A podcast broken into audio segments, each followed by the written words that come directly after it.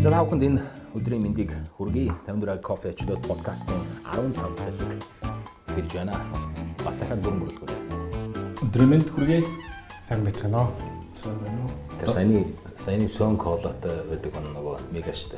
Тийм одоо бидний болоо мэддэг болсон хоо. Тэгэхээр өнөөдрийн подкаст явуулах юм бол хамгийн эхлээд алдарт 10 минутын тайм явна мегагийн. Аа тэгээд хоёр гол сэдвийг бид сонгож авсан байгаа. Путины айлчлалын дараах одоо анализ гэж ярих юм уу? Чадж байгаа юм уу?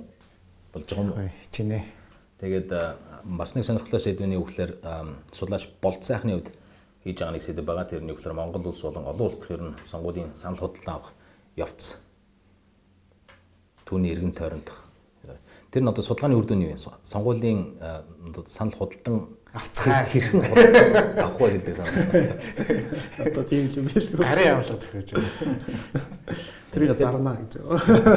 Тэгэхээр ийм 2 3 сэдвүүдийг сэдвүүдийн хүрээнд би тав хүнд ярилцах болно. Алуун жилээсээр тав хүнд 14-р хэсэг дээр ирсэн сонсогчдын комментуудыг бас хэрэгж үзэн Daisy Mia Daisy Mia гэдэг нь болохоор нэр шүү. Sorry. Гоё шүү муулах юм олдохгүй байна гинэ. Би одоо нэрийг буруу хэлсэн юм шүү. Тэгээд муулах байлгдаа намайг. Тэгээд юмор сайтай залуу шүү. Мега гас бусдна гэсэн байна. Тэгээд цэнгэлийн хувьд юм бол ийм сонирхолтой подкастыг олоод сонсож дөнгөж олоо сонслоо. Тэгээд цааш нь банк хийгэрээ сонирхолтой байлаа сонсож байна гэдгсэн байна. Аа булгагийн хувьд юм бол банк сонсдог шүү. Аа баабургааг урьж оролцуулбал бас нэг сонирхолтой дугаар болох хаа гэж бодож байна. Бүгдд нь амжилтаа гэсэн байна. Мегагаас бусдын бүгдд нь. Маш надад эмэртэй хүмүүс бичээд байна тий. Тийм. Ер нь эмэртэй хүмүүс ч юм дургуун биш үү? Тийм байна. Тийм дүгнэлтийг бас хийж Энэ ихтэй ч сонсдгүй юм биш үү?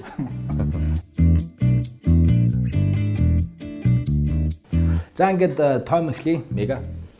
За тэгэхээр энэ 7 хоногийн үед их том том үйл явдлууд боллоо. Томилгоо айлчлал ихтэй ийм 7 хоног боллоо. Болчлоо. Уучлаарай. За томилгоо боллоо. За. Болчлоо. Энэ нөгөө зарим бүлэглүүдийн зүгээс хитрхи их урт том хийгээд байгаа ингээд подкастыг сунгаад байгаа учраас би шүүмжлэг хүлээж аваад. Гэхдээ шүмжил биш яг үндэ надад ч юм татарах таа байхгүй. Тийм үү. Зарим бүлэглүүд үү? Тийм. Маш том бүлэгл.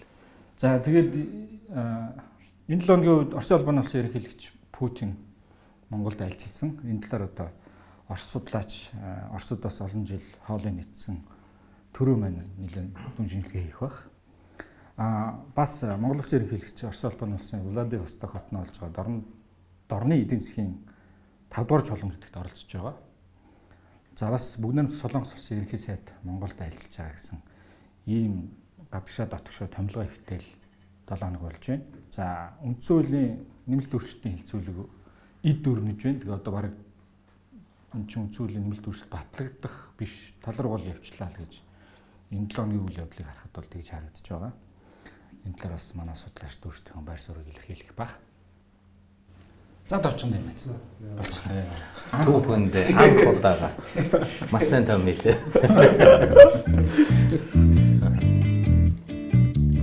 Яа нэтрэ. Путины айлчлалын Бүгд талаар. Гэхдээ яг уу хиний э, судлаач төрөөгийн маань гэх юм бол Оросд төгссөн. Тэгсэн хамгийн сүүлд нь Оросд төгсөн гэхээс илүү би Австрали руу яваад зурсны дараа Орос биш кенгуру судлаач болсон гэж боддог байгаа шүү дээ. Кенгуруны талаар маш сайн мэдээлэлтэй. Орой өөрөө кенгуру болсон юм шиг. За Путин Путины айлчлалаас ингээд наан л баг хитэн сар сенсацлсан монголчууд. За Путин ирж юу өгөх вэ?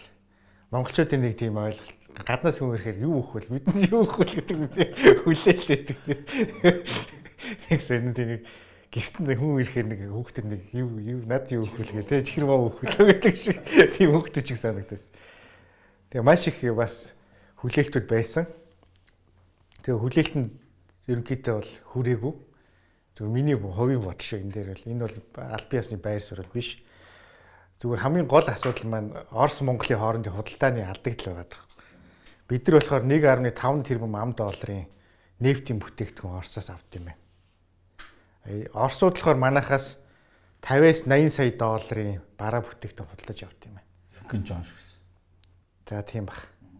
Тэгэхээр энэ хооронд ч одоо бараг хэдэн тэрбум тэрбум тэр 1.4 тэрбум долларын худалдааны алдагт гараад байна л та. Тэг ягаад Монголоос ингээ бараа бүтээгдэхүүн авдаг юм гэхээр Оросууд маш их өндөр татвар тавьдаг. Монголын бараа бүтээгдэхүүн. Тэг түүнээс болоод ингээд авч чаддгүй ингээд орж чаддгүй. Тэг энэ тал дээр ямар нэгэн одоо ахиц гарах болоо гэсэн тийм хүлээлт бол байсан. За тэгээ монголчууд нэг ээлж нөгөө Оросоос хүм ирэх болгонд монголоор дамжуулж хоолоо тавих гэдэг тавих гэж байгаа юм байна гэдэг нэг гордол гэх юм уу хүлээлт гэх юм найдлах гэх юм уу нэг тийм юм байдаг. Тэр маань бас л явж исэн тэр нь дахиад болоогүй. Тэгээ одоо би яг э, одоо харж байхад бол одоо Кремлийн тий албан ёсны веб сайтаас харахад бол энд Монголд хийсэн Путиний альшуур 10 гэрээнд гар үсэг зурсан юм байна. Тий. За энэ нөгөө нэг тий Орос Монголын хооронд мөнхийн найрамдлын стратегийн түншлэлийн гэрээ байгуулсан гэдэг. Тэгээ яриад байгаа гол одоо гэрээ нь энэ л байгаа юм л та. За тэгээд э, терроризмд тэмцэх хоёр засгийн газрын хоорондын гэрээ байгаа юм байна. Юу хоёр орон нутаг болон юугаар хил хоорондын хамтын ажиллагааг явах гэрээ гэж байна. Юу цэрэг техникийн тусалцаа үзүүлэх гэрээ. За протоколууд орж чинь те. Хяах талтан булгийн хоорондох хилийн үн дээр нөгөө доктортой үйл ажиллагааг хангах протокол гин. За нөгөө Оросын холбооны улсын холбооны юу гайлын газар Монголын гайлын газрын хооронд хамтын ажиллагааны гэрээ гэж байна. Орос геолог компани Монголын геологтой хамтарсан юу яасан юм. Оросын шуудан Монгол шуудан хоёр хамтарсан гэрээ яасан байна.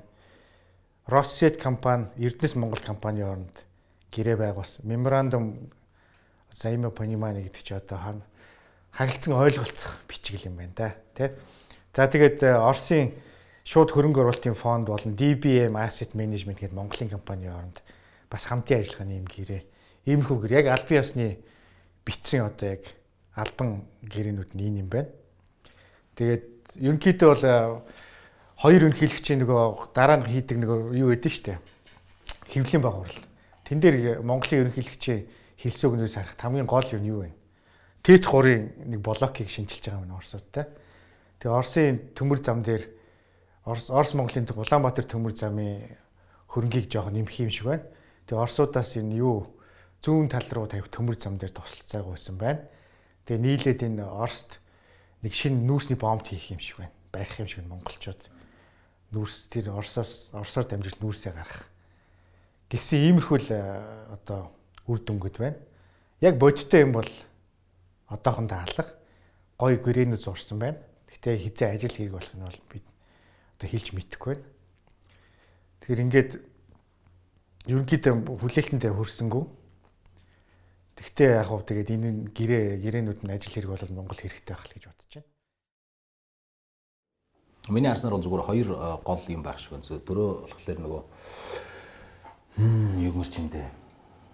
Өөрийнх нь хувь хүнийх нь үзэл бодол нь айгүй тийм доогор байхгүй юм болгоныг дандаа шүүмжилж хардаг тий. Сая би нэг юм анзаарлаа ямар их сулуугаар ихт юм бэ. Төрөө чи на ТТ гэдгээ боль заяа.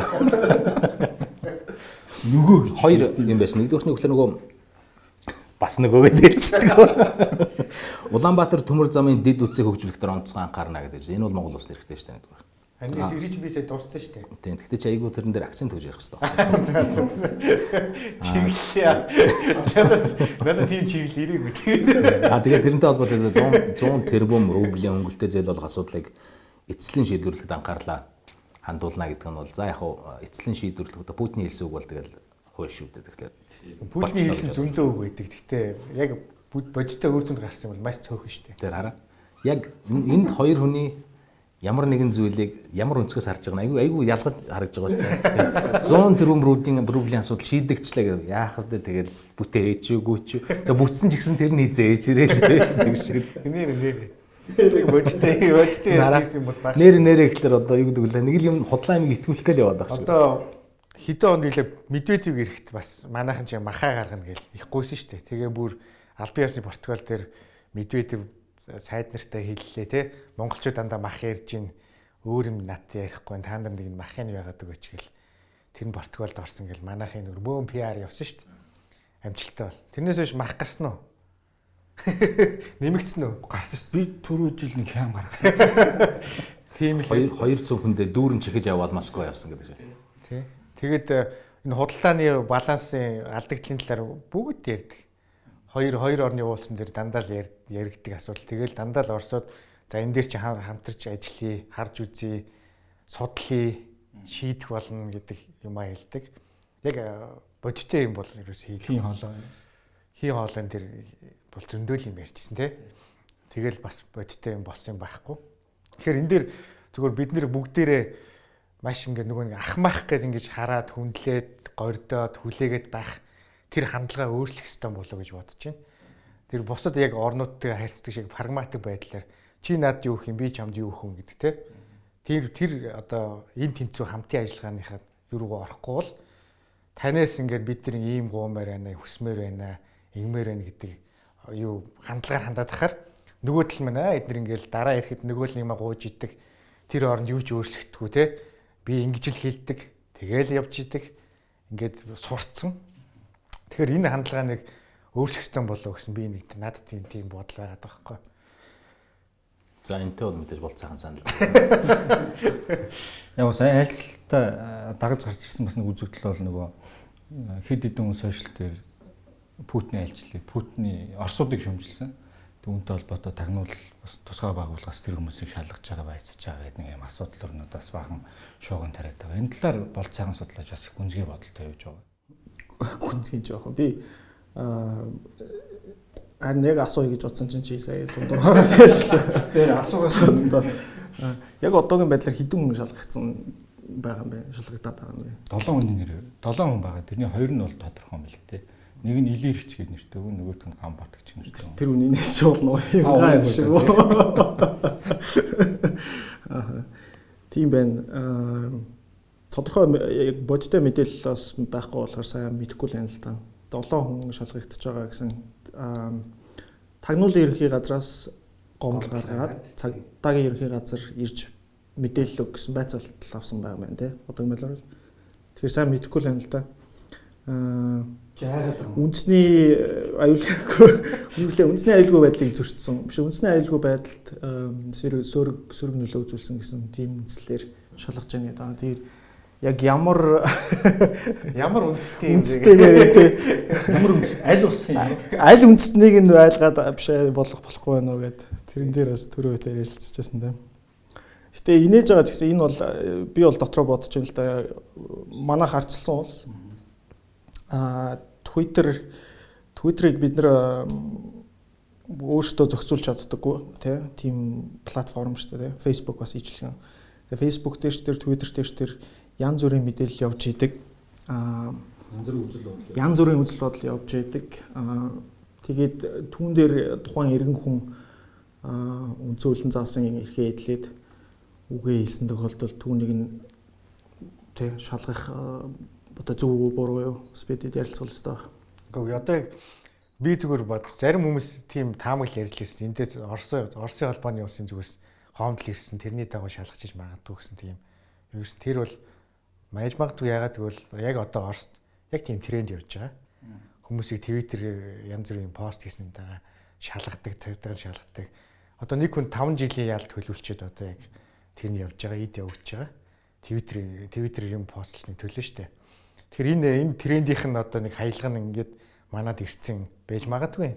Тэрнээс өмнө нь Твиттерээр юу Оросыг муулах байт ятдаг бол байнга л муулж идэв штэ. Твиттер бүр ятдаг байнга муулж идэх хүмүүс бол байж идэг. Тэгээд бид нэр хин ч ямар ч юм хэлдэггүй хин ч одоо гомдол үндэсний аюулгүй байдал сөрөг нөлөө гэсэн юм бол би юу сонсож байгаагүй. Тэгэхээр энэ дээр яг нөгөө тэр орны талаар яасан тэр орных нь онцлог энэ дээр бас яаж магадгүй гэж бодсон одоо өөрөөр хэлбэл 90-оос өмнөх Москва ханиавал Монгол найтай нэгдэг ч одоо одоос хэвэр гэсэн үг юм. Тэг магадгүй тэр нэг юу н явж иж магадгүй. Ягаад гэвэл манай хүчнийхэн чи ерөнхийдөө ихэнх нь Оросд бэлтгэдэг байхгүй. Одоо хүртэл тэр нь социализмыг бэлтгэжсэн юм одоо хүртэл хэвэндээ байгаад байгаа. Яг тэр школоор явдаг. Одоо нөгөө нэг тавтахад бариад, тавтахын орой бариад хагас сан шоронд байлгачдээ штэ. Яг л нөгөө шүүгч амардаг хоёр өдрөөр тэр хүнийг залхаан зэрэлүүлэх тэр оронд мэдүүлэг авдаг. Тэр чинь бол Орос Орос яг Орос технологи дээ. Тэгээ одоо уянг уянгийг одоо барихтаа орой 10 цагаар гэрт нь очиж байгаа гэж байгаа байхгүй цагт нар. Эн чинь бол бас л Орос технологи. Хүмүүсийг нэг айлгах янз бүрийн бие хамгаалах байдлыг өмгөөлөгчгүй байгаа байдлыг ашиглаж яадаг. Энэ энэ школ одоо ингээд уулын болимоор байгаа байхгүй. Би бол тэрэн дээр л тийм л байр суурьтай. Хэдэн жилийн өмнө би нэг хөтөлбөрт оролцоод байж байхад Сингапурын оюутан залуу охин тэгж ярьжсэн өөрийнхөө одоо туршлагаасаа ярьжсэн байхгүй. Тэр хүүхэд яасан бэ гэхээр Facebook дээр Сингапурын ерөнхий сайдыг жоохон шүмжилсэн артикл байхаар нь шеэр хийсэн. Тэгсэн чинь аа шүүхтүүд шүүхэд дуудагдаад маш том юу файн мөнгөнд торгуул ирчихсэн гэсэн тийм зүйл яриад суужсэн. Тэгээ би гайхчихсан байхгүй. Зүгээр л нэг оюутан Facebook дээр артикл шеэр хийсний төлөө ерөнхий сайд нь тэр хүүхдийг нэр төр гутаасан гэдэг үндслээр шүүхтэд явж байна гэхэд тэгээ би бодож байгаа байхгүй. Come on те арайчтай юм багтай байхтай.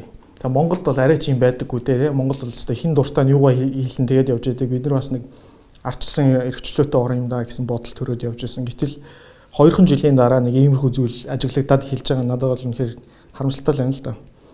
Тэгээд энэ дэр нэг ажиглагдж байгаа зүйл нь юу гэхээр хүмүүсийг зөрчлийн хуулийг ашиглаж үг хэлэх, үзэл бодлоо илэрхийлэх байдлыг нь жоохон одоо дайралт хийсэн. Тэр их рүү дайралт хийсэн зүйл ажиглагдаад байх шиг байна.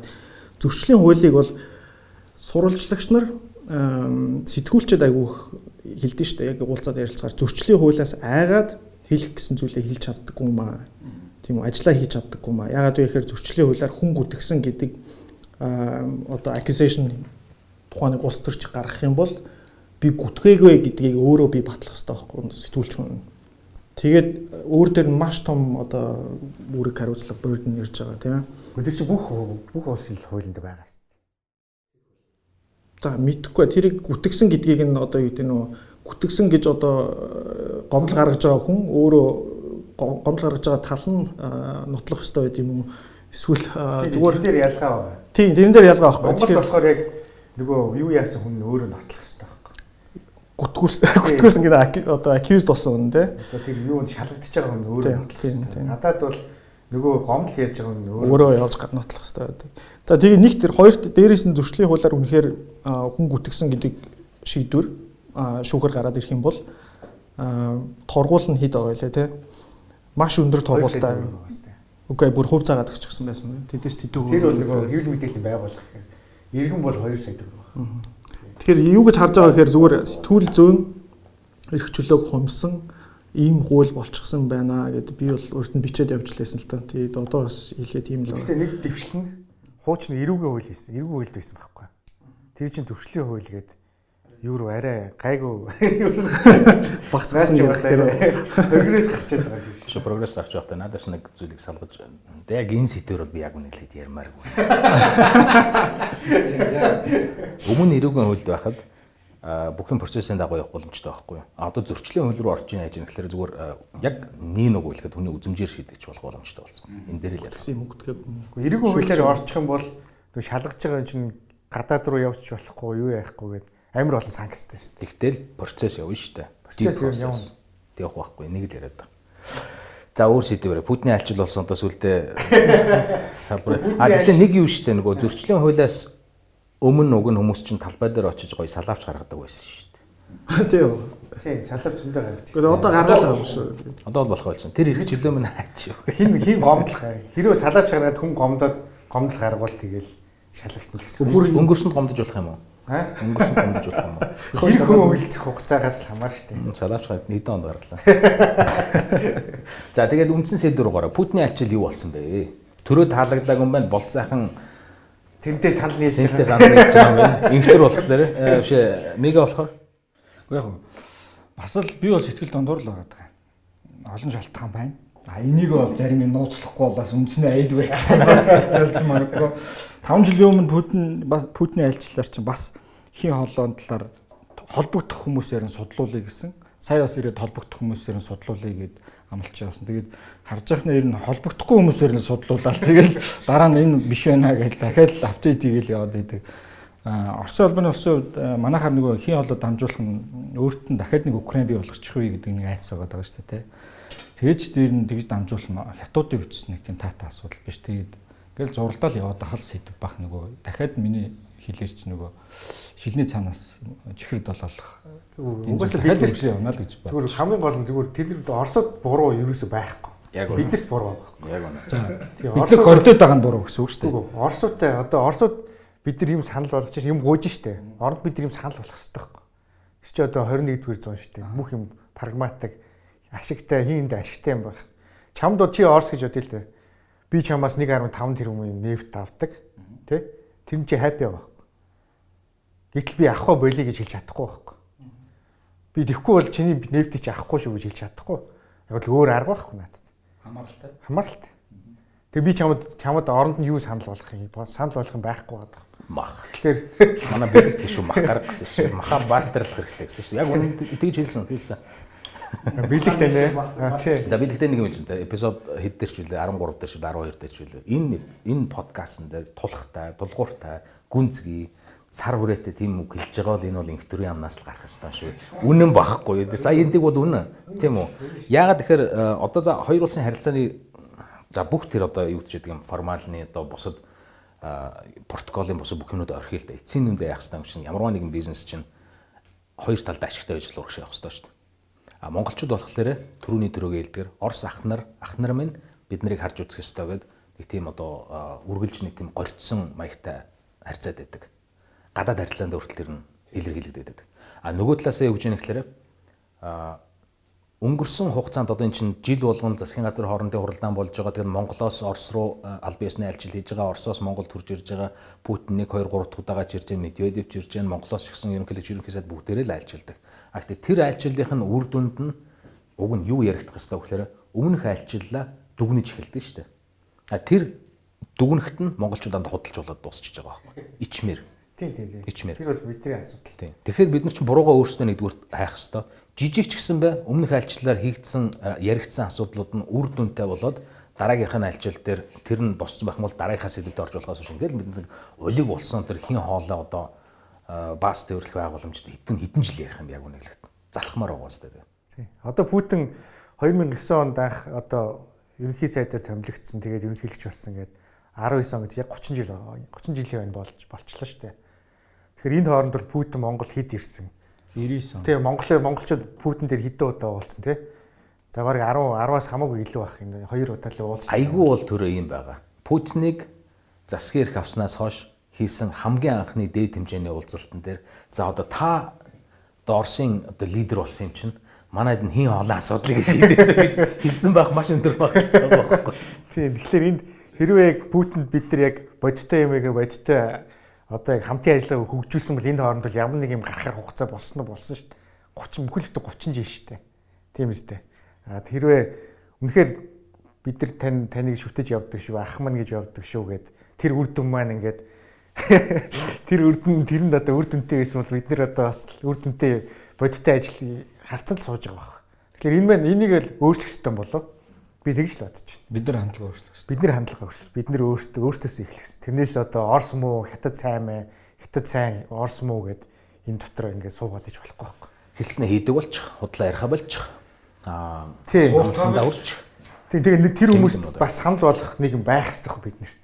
Гэхдээ бид нар байгаад байгаа шүү дээ. Зүгээр тэрийг харин гоё ингээд хийх хэрэгтэй байх. За Баян хамбараас танаад ингийн сарлагын махал зөндөө байх.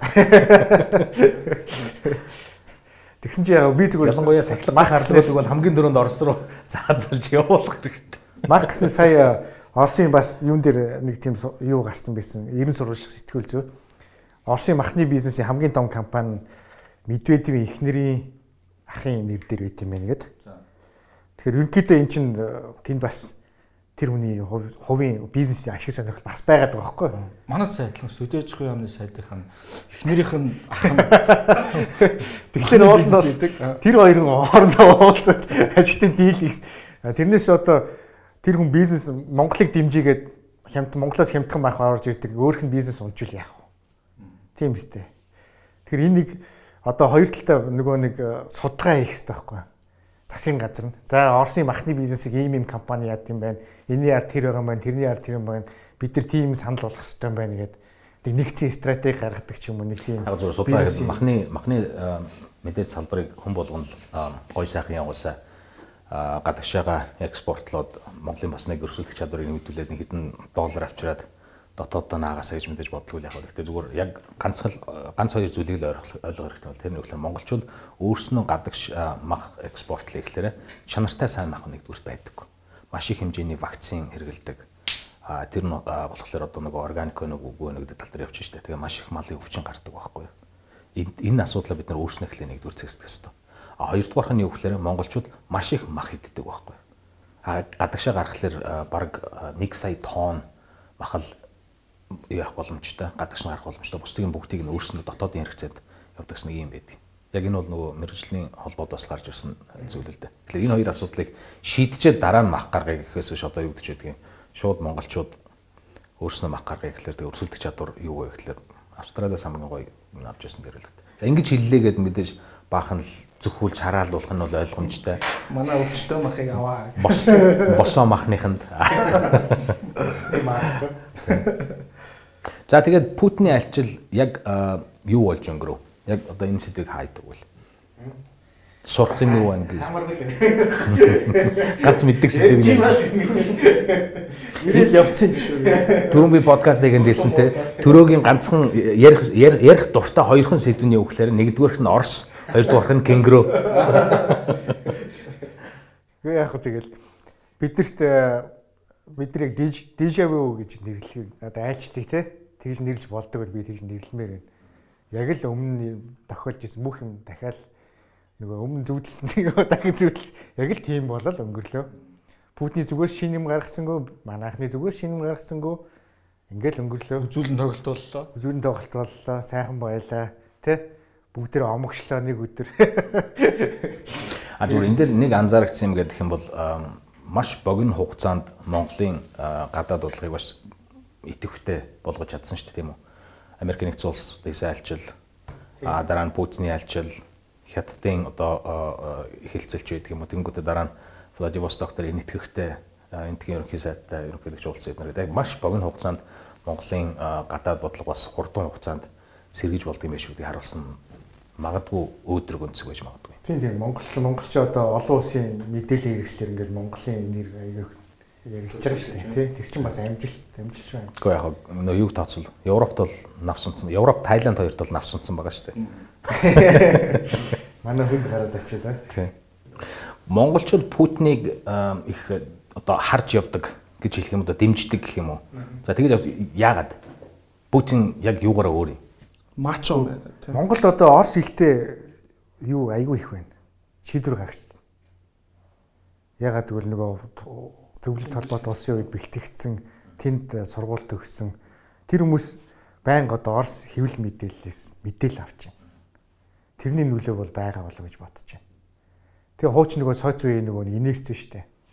Зөвлөлт холбоот улсаа ингэж юу яадаг. Тэр инерц одоо хүртэл хадгалагдаж байна. Би бол тэгж л байна. Даган дуурайх хэмжээнд хүртэл хүрсэн гэж болов уу? Тий.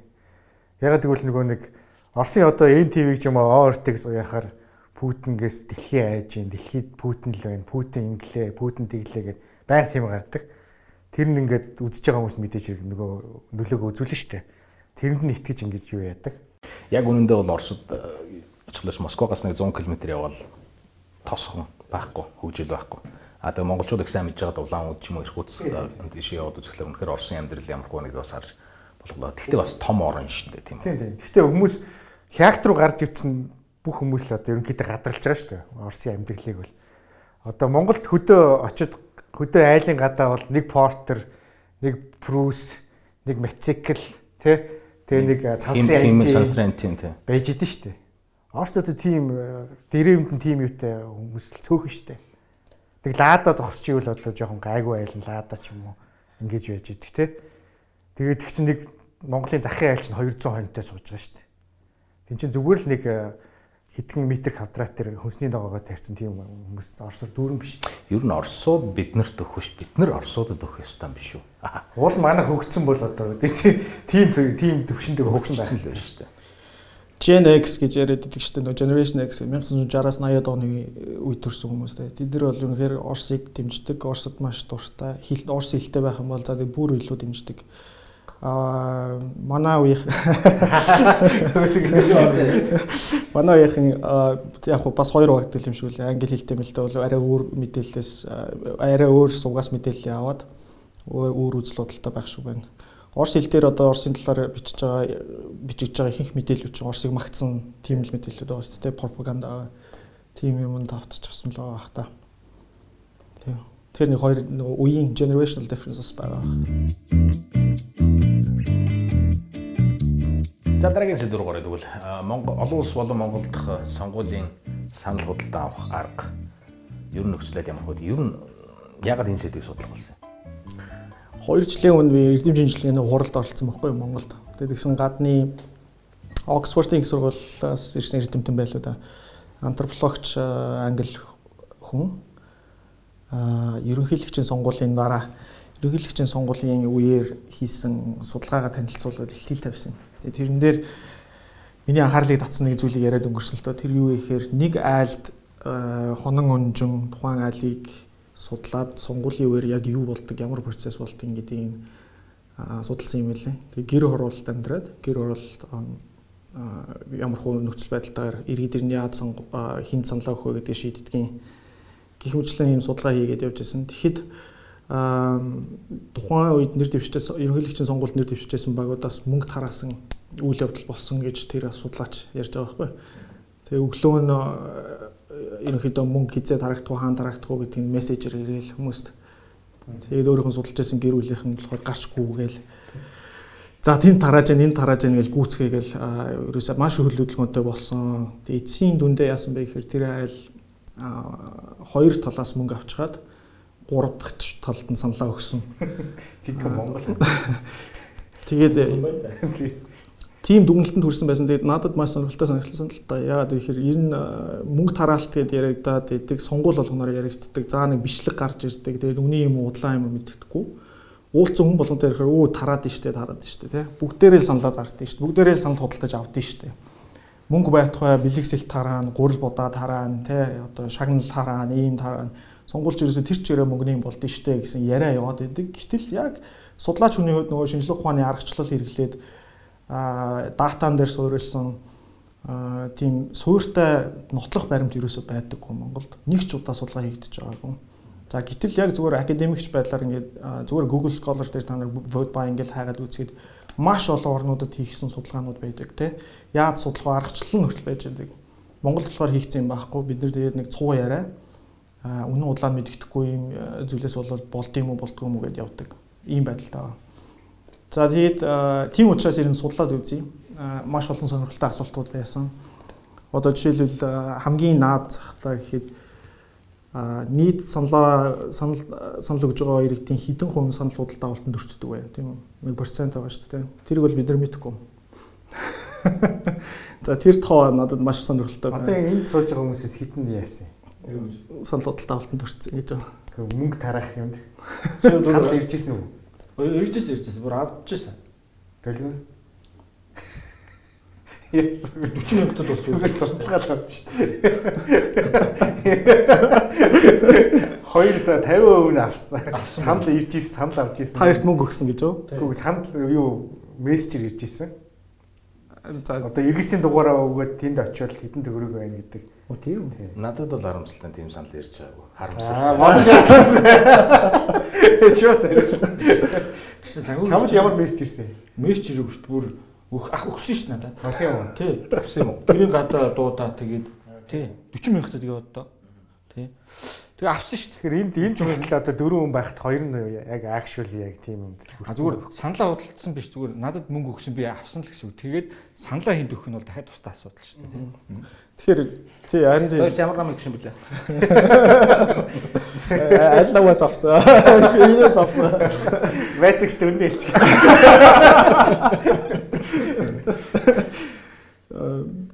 Тийм вегагийн хэл дээр эхнийх нь болохоор яг хэдэн хувь мөнгө мөнгө хэдэн хувь дээр мөнгө очоод байна уу? А дараагийнх нь сонирхолтой асуулт нь болохоор хэдэн тэр мөнгө авсан хүмүүсийн хэдэн хувь нь яг өгсөн хүнд нь саналаа өгдөг вэ тий. Тэгвэл бичил группийн судалгааг үргэлжлүүлж байна. За энд сууж байгаа хүмүүсээс тэгээ 50% нь ямар ч байсан мөнгө ирж ирсэн юм байна. Аа тэгээд яг одоо хурж ирсэн захиалгын дагуу саналаа өгсөн үү? Үнийг зүгээр захиалга биш угаасаа давхцсан угаасаа өгөх юм аа. Өгөх юм дээр очиод надад мөнгө өгсөн. Тэр тэрөг юу яасан? Бас давхцсан. Яа та ярьж санаа зарцсан гэсэн чинь юу. Хорвоо дэлхийн үжим ачиг давхцлаа гэж байгаа шүү дээ. Тий, тэгэхээр 100 болцсон уу? Энэ дээр ихтэй одоо мегагийн ахад хэлдэг дээр Онлын хувьд өөр орнуудад хийгдсэн судалгаануудаас ингээд нэг онол гарч ирж штэ тэгээ ямар үед санал худалдаж авдیں۔ Ямар сонгогчийг таргет хийдیں۔ Тэгээ ямар сонгогчийг тоочлолдیں۔ Нам ч одоо дуусгүй их мөнгөтэй биш. Мөнгө нь дуусна. Тийм учраас ирэм гарган те эхлээд ийм хүмүүст мөнгөийг дараа нь дараа нь идгээрт идэх юм юм ингээд нам уу нэр дэвшигч. Нэр дэвшигч яг гадны жишээн дээр бол намууд гэж авигддаг. Монголын жишээн дээр би одоо нэлээд хүмүүстээс э, интервью хийгээд ярилцлага хийгээд явхаар нэр дэвшигч өөртөө гаргасан. Өөртөө ч байдаг. За намаас оролцсон ч тийм кейсүүд бас байна. Гэхдээ яг тийм систематик буюу улс даяар нам нь ингээд зохион байгуулад санал худалдаж авсан тийм бол одоогор байхгүй л ажил байна л да. Тэгэхээр түрүү ярьжсэн санаа юу гэхээр хиний саналыг яаж худалдаж авах вэ? Эхлээд хинэнд мөнгө тараах вэ гэдэг маш сонирхолтой асуулт байгаа. Тэгээ үүн дээр одоо ямар хувьсгчуд орж ирэх вэ гэхээр partisanship буюу аль намыг дэмждэг хүмүүс юм те. За би жишээ нэг намаас нэр дэвшээд санал худалдаа авлаа гэхэд яг намайг дэмждэг core supporters байгаа шүү дээ. Манай намайг дэмждэг бүр ямар ч байсан манай нам саналаа өгдөг хүмүүс байгаа. Нөгөө намд бас ингэж хүн байгаа. Надад буюу манай намд хизээ саналаа өгөхгүй тийм хүмүүс байгаа. Дунд нь эргэлддэг нааша цаашаа явдаг swing voters гэж байгаа тийм. Савлаа. Савлаа шүлөөдөө өгчтэй. Мм тийм хөгчд. Тэгэхээр онлын хувьд болохоор гадны судалгаанууд дээрээс Susan Stokes-ийн судалгаанууд дээрээс харахаар энэ савлдаг хүмүүсийн саналыг худалдаж авах гэж мөнгөө зарцуулдаг гэсэн тийм байдаг. Гэтэл Монголын кейс дээр ингээд аваад үзэхээр бүр хаасаа үл. Сая хараглаа гэж. Аль хэдийн нөгөө саналаа өгөхгүй өхөн тодорхой байгаа өндөртөл мөнгө өгч байгаа чинь тийм. Тэгэхээр одоо тэгвэл энэ хоёроос refund асуух. Мөнгө буцаад авах. Тэгээ цаашаа явахаар за юу ихэнх судалгаанууд дээр бол амжиргааны төвшин доогуур тим иргэдийн саналыг худалдаж авахдаг гэж гардаг. Мэд хотлоо авдаг биш. Тэгэхээр Яг би хэлж байгаа юм судалгаан дээр л ингэж гараад байна. өмнөх судалгаан дээр л юм байгаа шүү. Та хоёр Амар Гэтэ тэр үед та хоёр ядуу байсан ч гэж. Хэдэн оноос цаа 10 жил юм. Тэ өөр ямар юм бодомсолтой гэж байхгүй нэ. За тэгээд боловсрал Биш надад ч нэг тийм хэсэг байх шээ. Яг төрөө мега 200 зурсан. Одууд гэж хэсэг байна уу? Одуудыг худалдаж авах гэсэн хэсэг байна уу? Арай байхгүй байна тэр бол. Байх л шүү дээ. Подкаст явуулаад. Тус судлаад байна. За тэгээд явна. Мэдээлэл муутай иргэдэд буюу улс төрийн талаар ямар нэгэн ойлголтгүй мэдээлэл авч чадаагүй. Тухайн дүрэгт хин нэр дэвшээд байгаа. Хоорондоо нөгөө нэг дээр ярьсан шүү өмнөх подкастаар ярьсан. Хоёр намын ялгааг олж мэдгүй байгаа тийм иргэдэд жишээлбэл мөнгөний эффекттэй мөнгө бол нэлээд дүнтэй. үр дүнтэй нөлөөлдөг гэсэн ийм зүйлсүүд хүртэл байна. За цаашаа ярил өчнөө олон юм байгаа л да. Яг Монголын онцлог гэдэг үл зүгээр одоохондоо би яг тэрний шинжлэх ухааны аргачлал хэрэглээд олон нийтийг оролцуулсан судалгаа хийж амжаагүй байгаа. Тэрийг хийх бодолтой яваад байгаа байхгүй. Наан гэхдээ нөгөө онлын хувьд яг Монгол хөрсөн дээр яаж явагддаг вэ гэдгийг нь ойлгохын тулд яг мөнгө тарааж исэн ч юм уу тарааж байгааг мэдчихсэн. Аа за одоо first hand experience тэ тэ өөрөө яг бүр туршлагатай тийм нэлээд хүмүүстэй уулзаад одоо урт хугацааны ярилцлага хийгээд явж байгаа. Яг зүгээр яг тиймэрхүү юм энэ тэнд сонсогддог байсан бол одоо тэрийг хэлж болно шүү дээ. Яг Монголд яаж Эхлээ дисклеймер хэлмээр. Энэ энэ ярьж байгаа ярьж байгаа нь дандаа бодит биш. Тэр бодиттэй давхцсан бол энэ тохиолдлын жил. Тохиолдлын жил гэмт хэрэг штэ. Тийм би ярилцлага өгсөн шүү дээ. Хэдийн өгсөн. зүгээр сонирн биш. Яг ер нь яг Монголд яаж мөнгө тараад. Үгүй нуулг хэлэхэд би чинь бас түрүүн жил дуугаагаад хэлээ л да. Оросд 2 жил сурсан тий. Тэгээд Тэгээ миний зүйлээр ярьж юм. бэлтгэгдсэн. Тэгээд яг нарийн учир цаанаа яг ямар ямар зүйлүүд байдаг гэдгийг бас тодорхой хэмжээгээр бас судлаач болж цааханд одоо байцаалтаа өгцөн байцаагчтай өгцөн. Тэгээд судалгаагаар гарч ирэх баха энийг одоо энэ дээрээ яах вэ? Гол нь сонирхолтой юм яг дэлхийд дээрээ аль аль оронд хэдэн хувийн саналаа зардаг гэсэн тоо байна уу? Хийгдсэн тоонууд бол байгаа. За санал худалдаа авалтыг чинь судалгаар аюу хэцүү шүү дээ. Нэг хэцүү юм юу гэхээр ихэнх орнуудад хууль бус байдаг. Дээрээс нь нийгмийн нөгөө нууранд зөв ясанд байх эсгүй зүйл гэж муухай үзэгдэл. Муухай үзэгдэл. Хүмүүс ер нь саналаа зарсан юм уу гэхээр нэг бодлын нөгөө ихэнхдээ ядуу иргэдийг тоочголдог учраас саналаа зарсан гэдээ хэлнэ гэдэг чинь одоо стигматай өөрийгөө ядуу гэдгээ одоо хүнд хэлж байгаа юм шиг хамгийн энгийнээр бодоход. За дээрээс нь хууль бус гэх. Тийм учраас шууд хүнээс асуух юм бол худлаа хэлэх магадлал ихтэй байдаг. Тийм учраас нөгөө арай өөр sophisticated арга хэрэгэлдэг. Тэр нь яриул одоо манайха унтаад өгөх.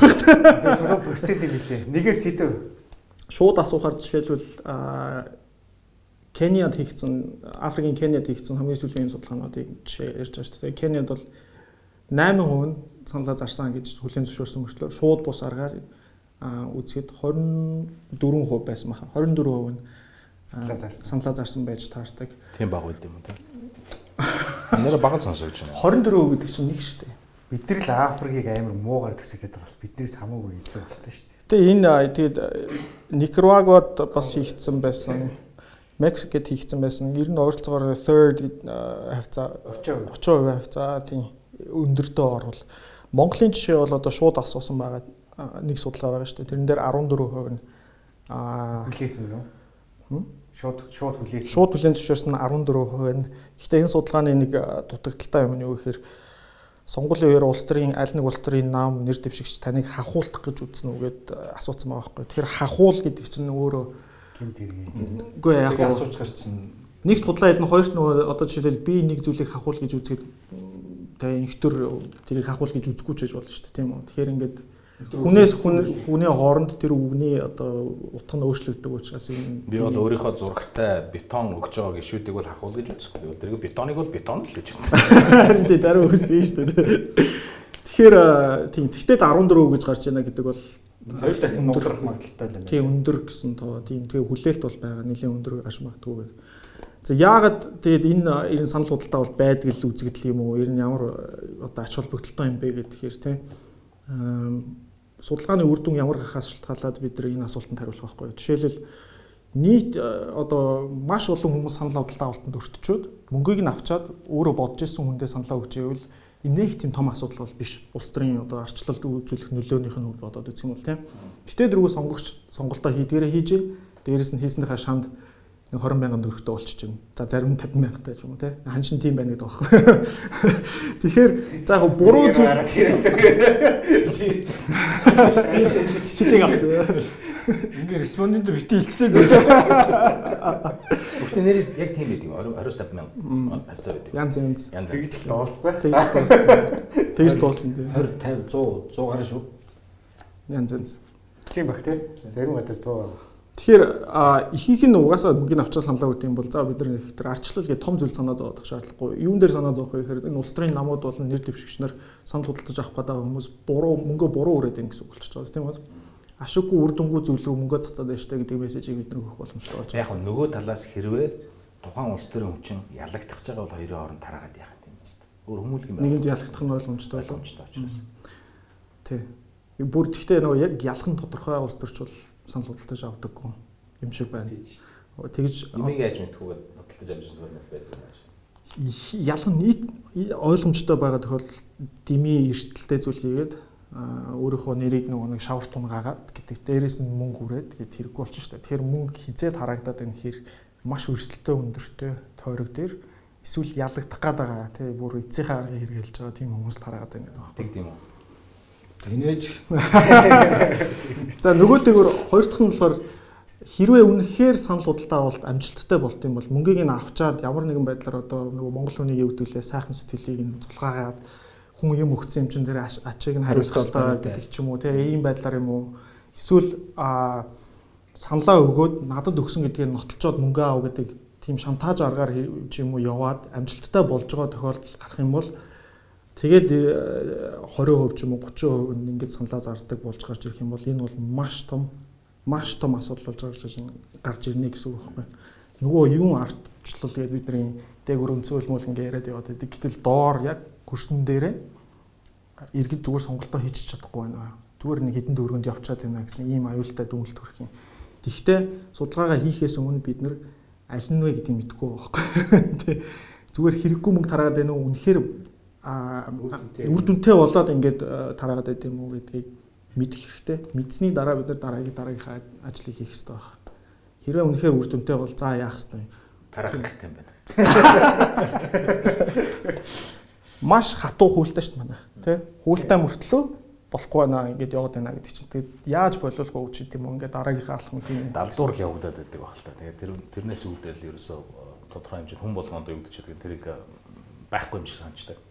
Саяхнаас тэгтээ хууль бус болсон шүү дээ. 10 хэдэн он лээ 2 оноос 12 оноос хойш. 12 Өмнө нь бол зөв зүгээр байсан шүү. Хоёр тэгэхээр хүн хэл цуцаад дууссан гэсэн үг. Гэхдээ өмнө нь бол зүгээр ингээд захын дүүргүүдээр чим гэр ороолоор бол бүр микрт явдаг гэсэн. Микрт яваа тэр хавийн хүмүүсийг цоглуулаа те. Микрээр юу руу хүргэж үгүй санал хураах байрлал өргөж. Тэ. Тэр орондоо ингээд юм аа яадаг гэсэн. Яадаг ш. Ил цад тэр үж баг ил цадгаа. Чи өөрөө ер нь тараацсан юм шүү. Би тарсан гэдэг тараацсан юм. Би бас гисэн гисэн гисэн гэж гисэн гисэн гисэн гэж сонссон гэж. сонсон гэж сонссоо. Болдогийн судалгаа дуусгаар болдооч модонд орхон дээ тий. Бага ус төрч төөцөлтэй. А зүгээр хамгийн сүүлд яг за ер нь судалгааны үр дүн бол тодорхой хугацааны дараа гарна. Гэхдээ яг өөрчлөсөн байдлаар ингээд харж байхад нэг тийм амархгүй зүйл уншиж байгаа. Үр дүнтэй байна уу эсвэл үр дүнгүй нэ? Нэг зүйлийг бол би баттай хэлж чадах бах. Итгэлтэйгээр хэлж чадах бах. Тэрний юу гэхээр өөр орнуудад санал худалдаа болтыг хизээ хийдэг вэ гэхээр тухайн иргэн саналаа яаж өгсөн бэ гэдгийг нь мэдэх боломжтой үед л саналыг нь худалдаж авдаг. Тэгэхээр одоо ямар нэгэн байдлаар нууцаар бүүтэнд ороод саналаа өгч байгаа шүү дээ. Тэрийг нь мэдчихийж надад өгсөн юм өгөө өгөөгүй юм уу гэж иж одоо саналыг нь худалдаж авдаг байхад Монголд бол миний мэдж байгаагаар тэгж мэдэх ямар ч боломж байхгүй. Тэгэхээр мөнгө тарааж байгаа гарууд бол ер нь жоохон гин талтай баг юм. Сохор итгэлээр явдаг гэдэг Тэгээ тарааж байгаа хүмүүсээс нь би бүр асуусан. Тэгэхээр үгүй танаас мөнгөж авчаад нөгөө нэр дэвшигчд саналаа өгсөн байвал та мэдэх боломжтой гэсэн мэдэхгүй шүү дээ. Тэгээ та яагаад ингэж мөнгө тараад нэхэр Монгол хүн итгэл даад юм аа. Тэгээ би харуулах нь итгэв. Тэгээд тэр тусмаа хөдөө орон нутагт бол одоо эн чинь бас нарийн тактиктай л та. Хөдөө орон нутагт нэг танихгүй хүн ирээд танд мөнгө өгөхгүй шүү дээ.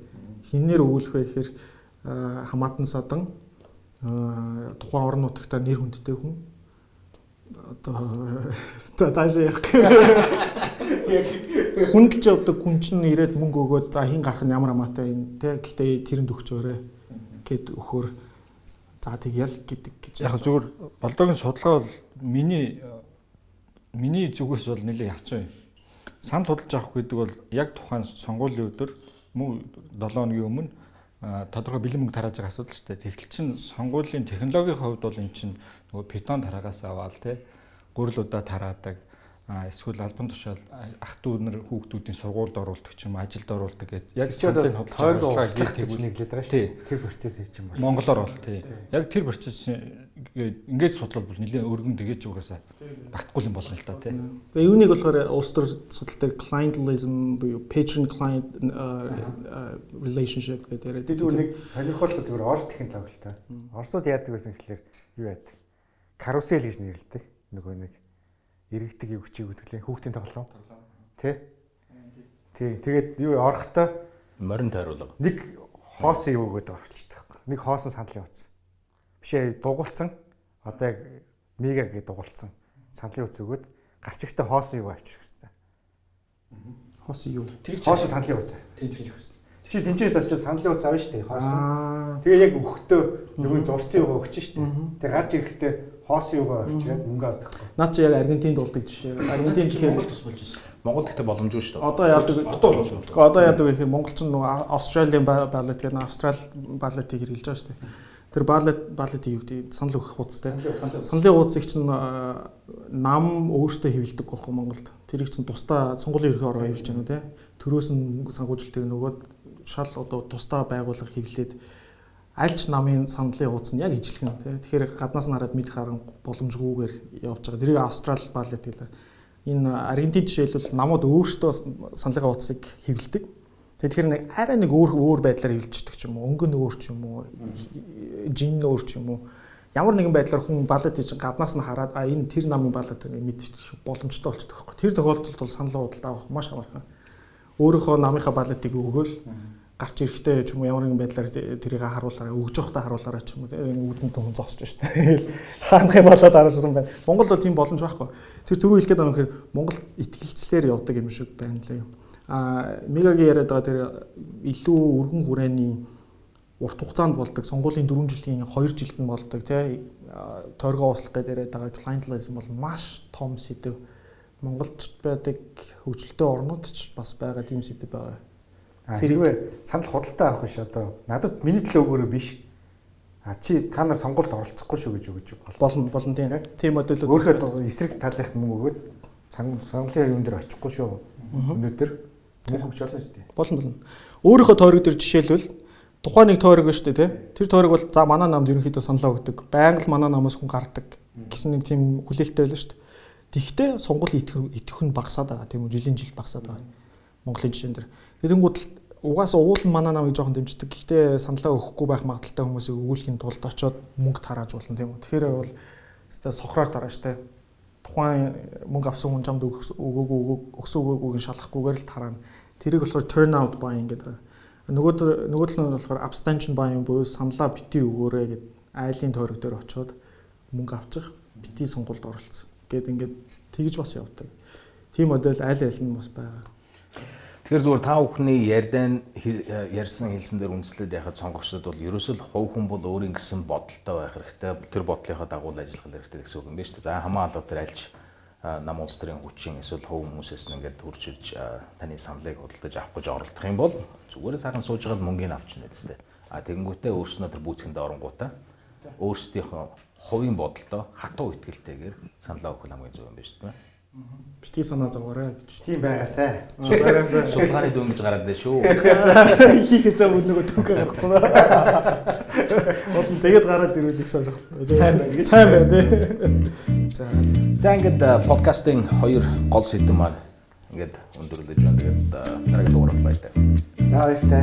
Баяртай. За баяртай. Агаарсан сонсон таа баярлалаа.